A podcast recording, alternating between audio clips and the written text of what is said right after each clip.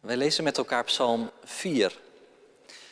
En hier in de kerk en ook thuis zou ik je willen uitnodigen om die psalm in beurtspraak met mij mee te spreken.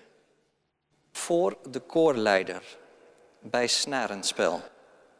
Een psalm van David. Antwoord mij als ik roep, God die mij recht doet. Geef mij ruimte als ik belaagd word. Wees genadig, hoor mijn gebed. Machtige, hoe lang nog maakt u mij te schande? Is de schijn uw lief, de leugen uw leidraad? De Heer schenkt zijn gunst aan wie hem trouw is. De Heer luistert als ik tot hem roep. Beef voor hem en zondig niet. Bezin u in de nacht en zwijg. Breng de juiste offers. Heb vertrouwen in de Heer. Velen zeggen, wie maakt ons gelukkig?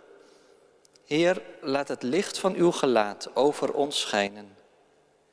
In u vindt mijn hart meer vreugde dan zij in hun koren en wijn. In vrede leg ik mij neer en meteen slaap ik in. Want u, Heer, laat mij wonen in een vertrouwd en veilig huis.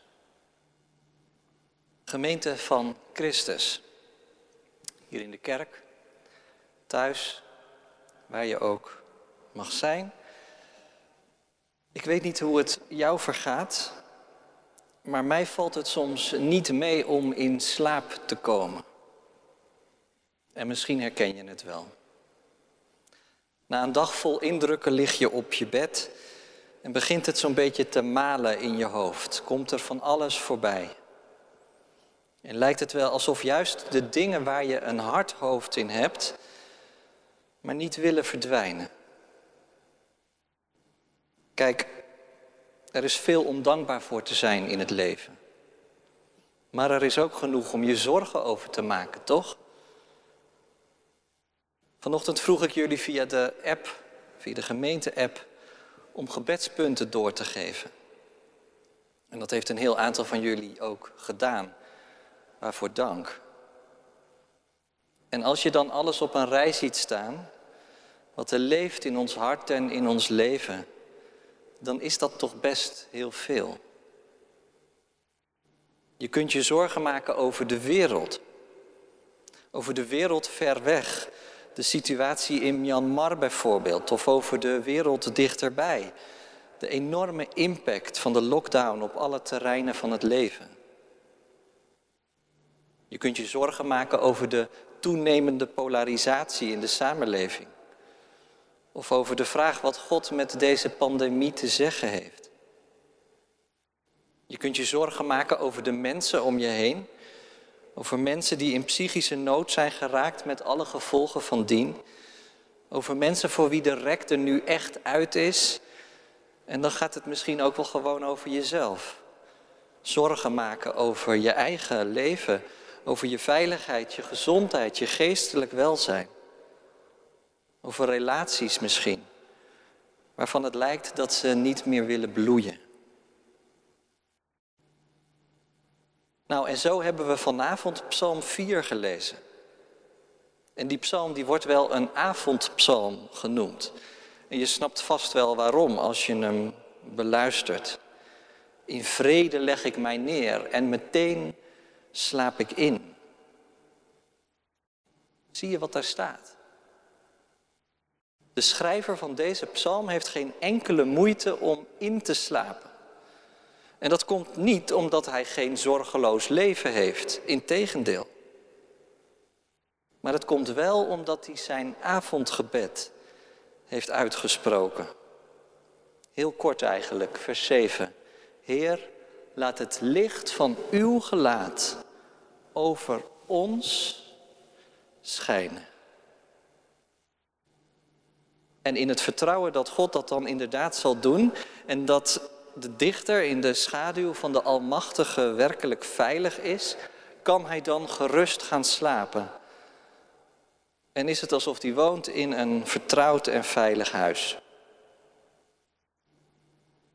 Nou, als wij vanavond die woorden horen, dan hoop ik eigenlijk dat dit lied ons allemaal de weg zal wijzen. Van de zorgen die er kunnen zijn in het leven. Naar een rustige nacht.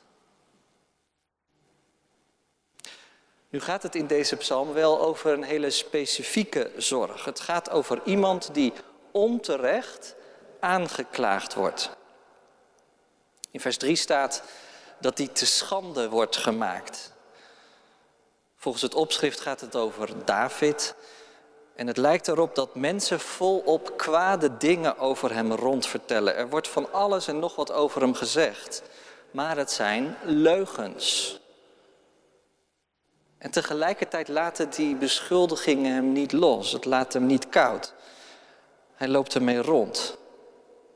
Ook al weet hij dat het niet waar is wat er wordt gezegd, de laster is hem echt overkomen. Maar ja, kom er dan nog maar eens los van. Zoals het noodlot zomaar toe kan slaan, ook op andere terreinen. En je zegt, waar heb ik dit nou weer aan verdiend? Maar het is wel heel bijzonder dat de dichter van deze psalm vervolgens met de kwaadspraak op een hele ongekende en verraste manier omgaat. Ga maar na. Wat zou jij doen als er leugens over je werden verteld? En wat zou jij doen als jouw dingen overkwamen die je helemaal niet hebt verdiend? Nou ja, je kunt van alles bedenken. Je kunt ontzettend boos worden. Je kunt gaan terugvechten. Of je kunt jezelf gaan verontschuldigen. Maar dat doet David allemaal niet. Nee, hij gaat met zijn zorgen naar God. En trouwens, dan speelt hij niet de vermoorde onschuld. Kijk maar wat er staat in vers 2.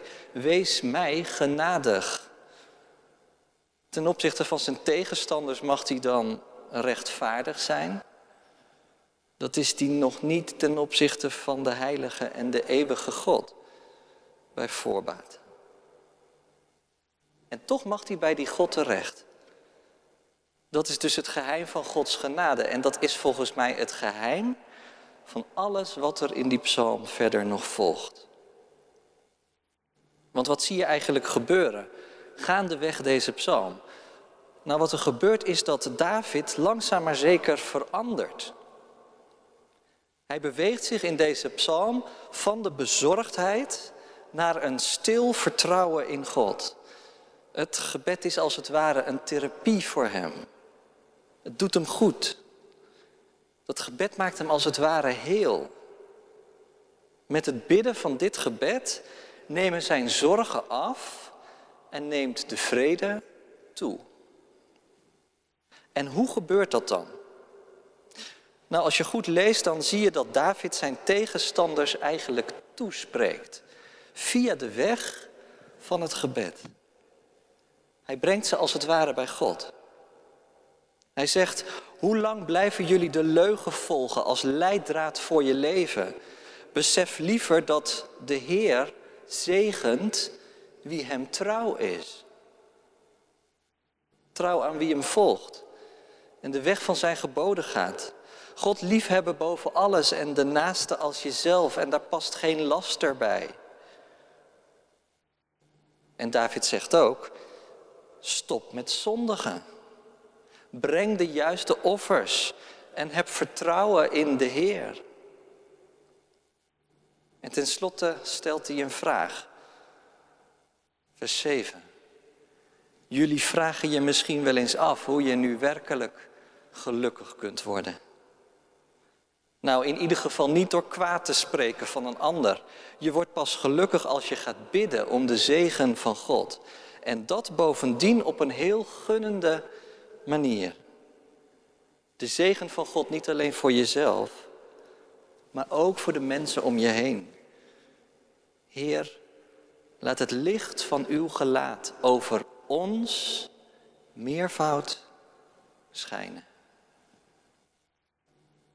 En moet je kijken wat er dan gaandeweg gebeurt. Hoewel David door zijn tegenstanders is belasterd en gekwetst, spreekt hij hen toch vriendelijk toe. Probeert hij hen als het ware op het rechte pad te krijgen. En door hen advies te geven over wat ze zouden moeten doen, helpt hij onbedoeld, maar onvermijdelijk zichzelf. Want uiteindelijk brengt het hem bij die bijzondere zegen van God. Nu is dat een heel bekende zegen. De woorden laat het licht van uw gelaat over ons lichten zijn eigenlijk een verkorte weergave van de zegen van Aaron. Zoals je die kunt vinden in nummer 6. Het is een zegen die helemaal bij het verbond van God hoort. Het is een zegen die ook helemaal bij de God van het verbond hoort. Mogen de Heer u zegenen en beschermen. Mogen de Heer het licht van zijn gelaat over u doen schijnen en u genadig zijn. En mogen de Heer u zijn gelaat toewenden en u vrede geven. Dat zijn woorden die nog steeds regelmatig klinken, bijvoorbeeld hier in de kerk, soms aan het einde van een dienst. En het zijn woorden die de dichter van deze psalm werkelijk in de rust brengen.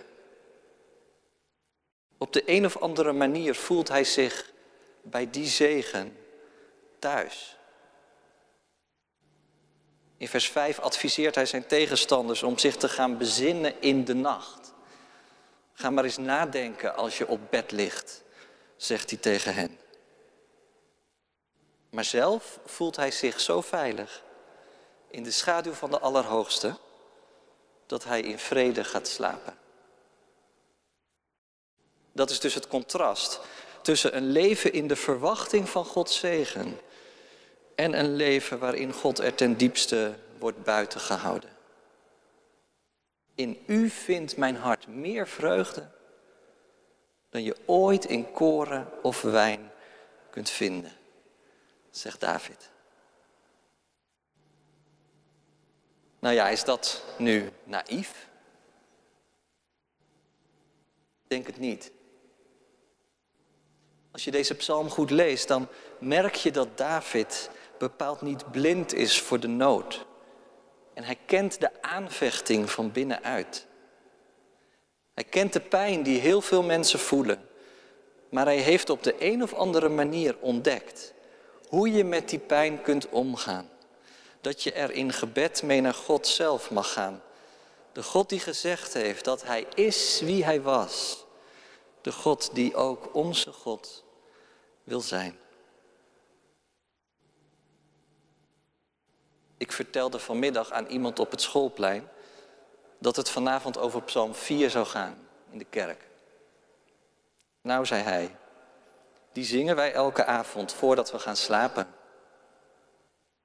Ik dacht, wat mooi. Ik kan gaan slapen zonder zorgen. Want slapend kom ik bij u thuis. Amen.